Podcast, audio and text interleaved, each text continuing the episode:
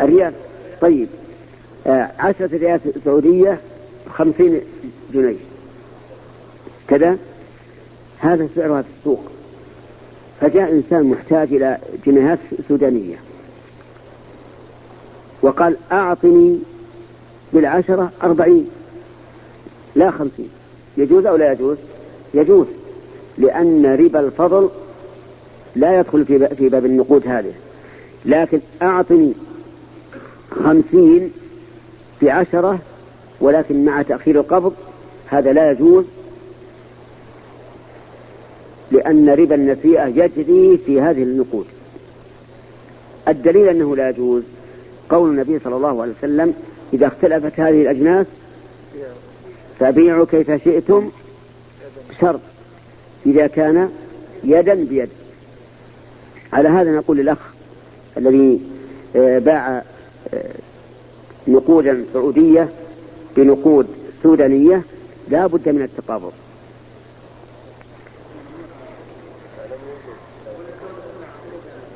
طيب إذا كانت الدولة تمنع من من خروج ذلك فهل يمكن مثلا أن يعطيه الآن ريالات سعودية ويحيلها على بنك هناك وعند وصول الحوالة إلى المستحق يتفق مع البنك على شراء الجنيه السوداني بما يساويه هناك.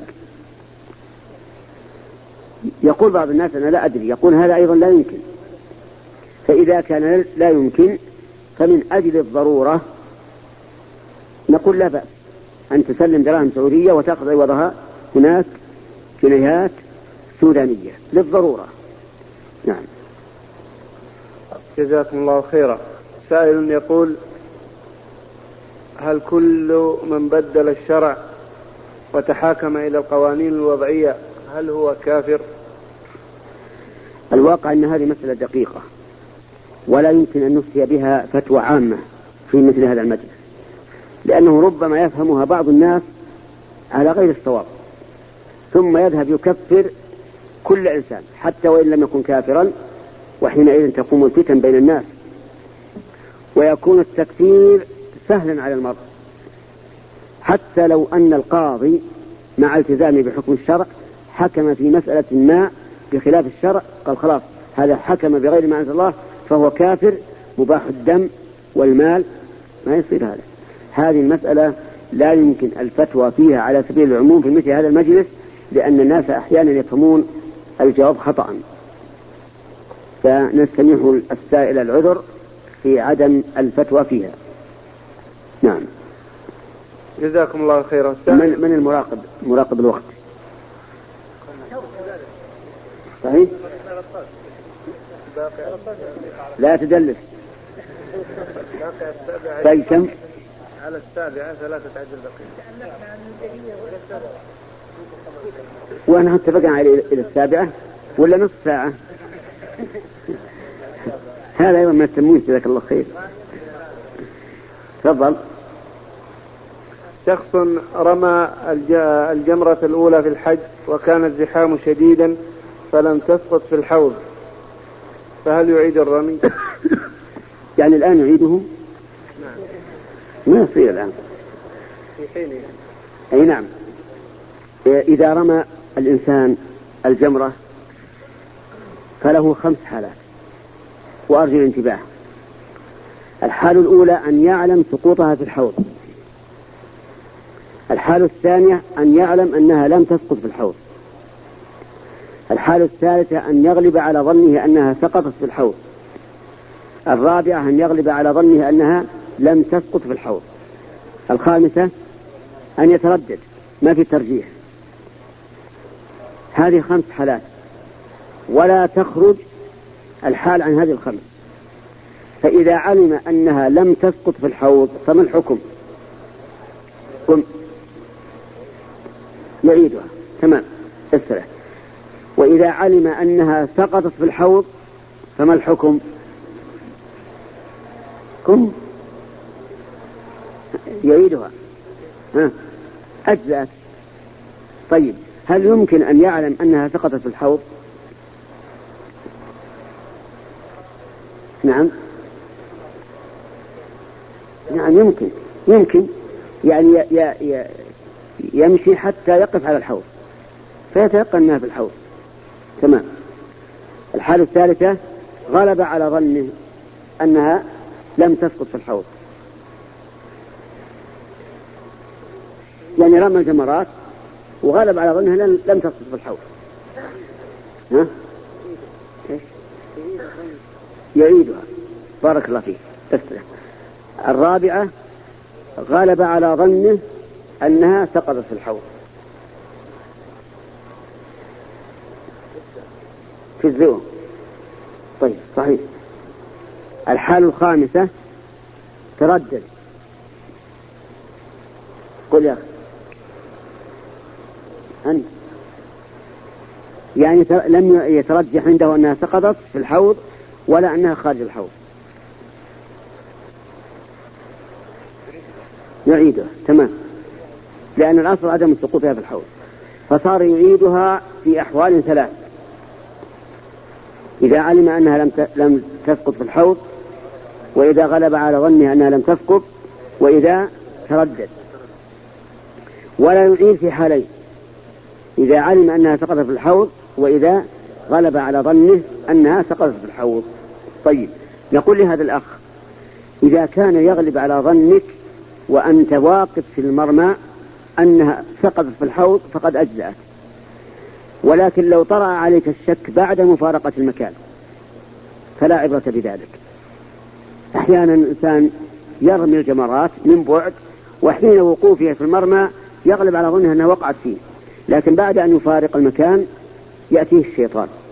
يقول ما سقطت في الحوض فلا تجزئك. ثم يبقى معالج معالجا لنفسه. فهنا نقول لا يضرك الشك. الشك بعد فراغ العبادة لا يؤثر وهذه قاعدة مهمة جدا. الشك بعد فراغ العبادة لا يؤثر في العبادة. بعض الناس إذا انتهى من الصلاة وسلم جاءه الشيطان ما قرأت الفاتحة ما سجدت إلا مرة. يطرح الشك هنا لأن الشك بعد فراغ العبادة إيش؟ لا أثر له. وفي ذلك بيت يقول فيه الناظم والشك بعد الفعل لا يؤثر وهكذا إذا الشكوك تكثر. حفظتموها أو أعيده؟ والشك بعد الفعل لا يؤثر وهكذا إذا الشكوك تكثر. أعيد وحفظتموه الثالثة. و وال والشك بعد الفعل لا يؤثر. وهكذا إذا الشكوك تكثر. لا لا أزيد على هذا. من من حفظ؟ تفضل.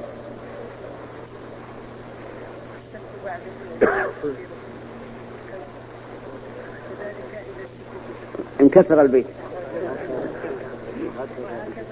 وهكذا إذا الشكوك تكثر. طيب. كثير من الناس أيضا كثير الشكوك. لا يكاد يفعل عبادة إلا شك. هذا أيضا يطرح الشك. ولا يلتفت إليه لأن هذا وسواس.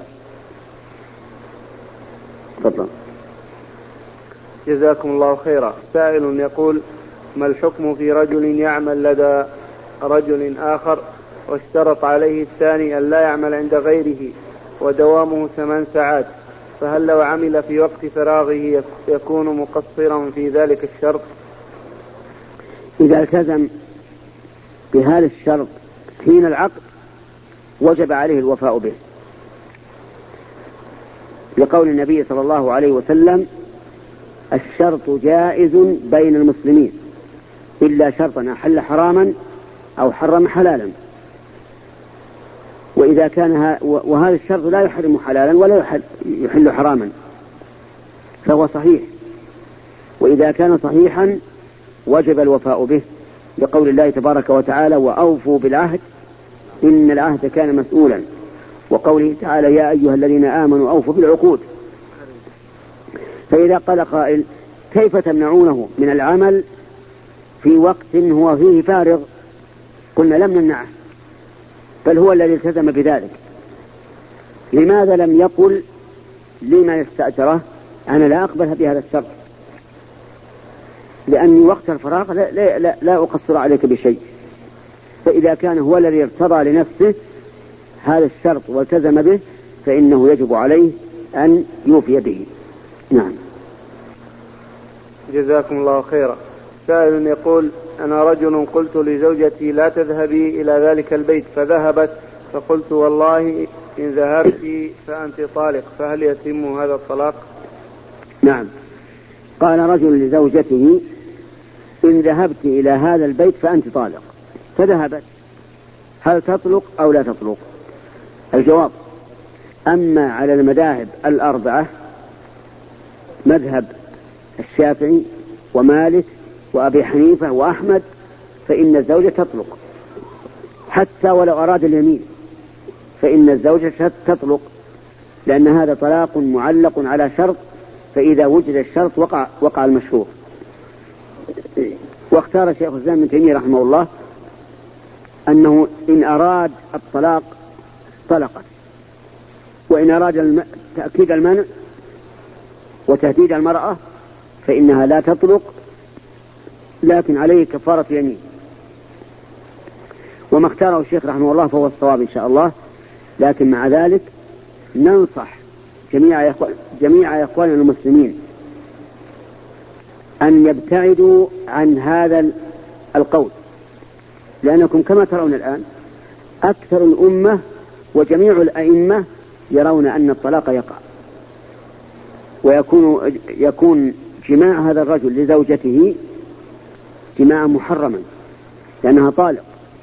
ما لم ينوي الرجعة إذا كان له الرجوع. فالمسألة خطيرة. وقد قال النبي عليه الصلاة والسلام من كان حالفا فليحلف بالله أو ليصمت. نعم. جزاكم الله خيرا. سائل يقول يوجد ما يسمى بالأفراح الإسلامية وفيها يتأخر النساء أو يرجعون إلى بيوتهن عند الساعة الرابعة فجرا. فهل هذه أفراح إسلامية؟ نعم هي أفراح إسلامية. إذا إذا لم يكن فيها محرم يعني إذا كانت إذا كانت الأغاني نزيهة وكان الطرب بالدف فقط فلا بأس بذلك. وهذه ليست ليست مسألة دائمة حتى نقول إن الإنسان يرهق نفسه.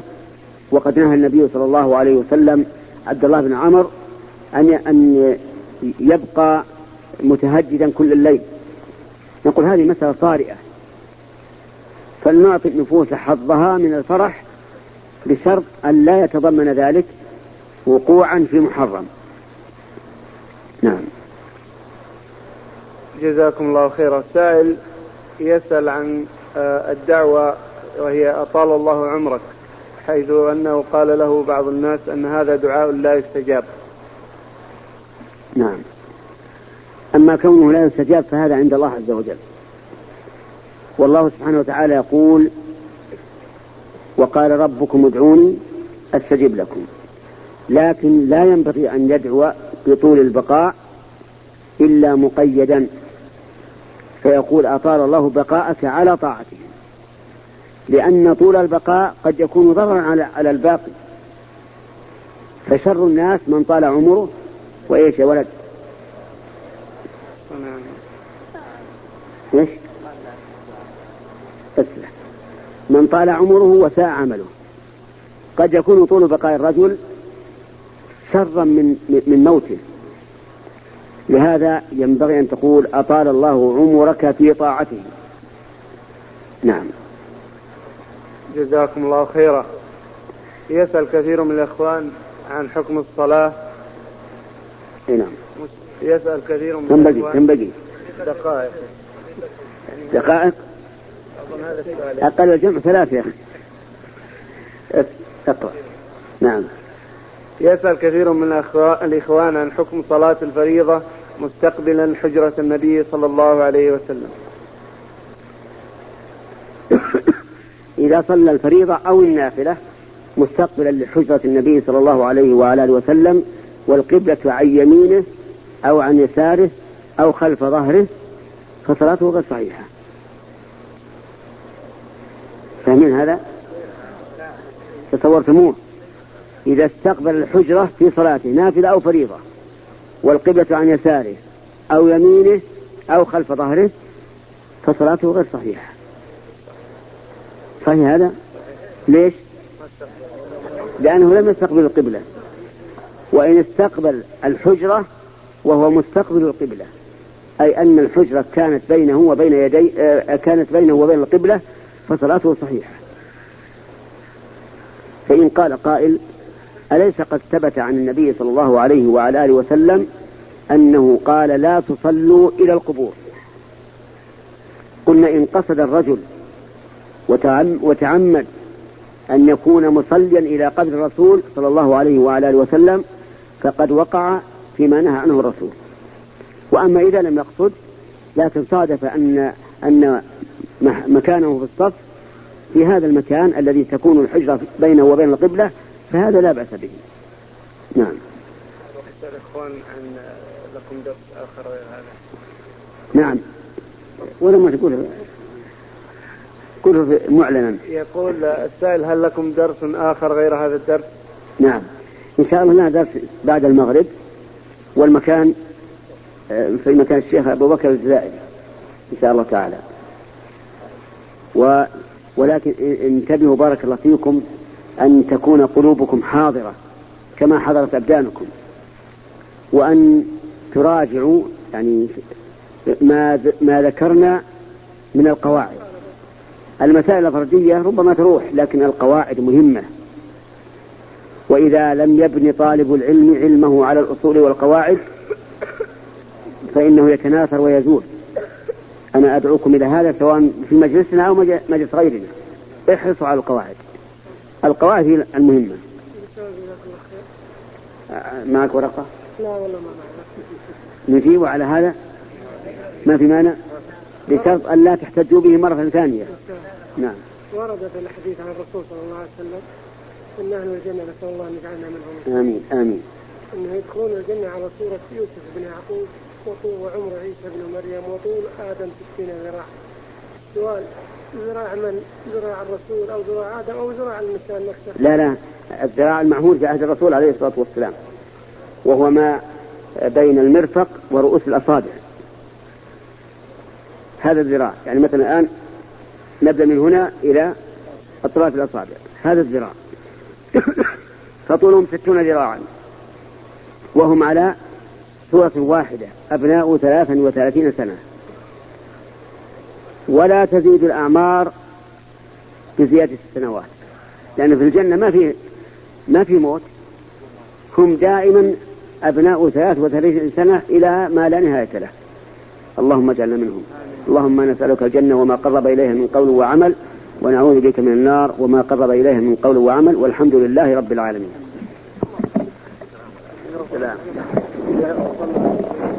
الحمد لله رب العالمين. وأصلي وأسلم على نبينا محمد وعلى آله وأصحابه ومن تبعهم بإحسان إلى يوم الدين.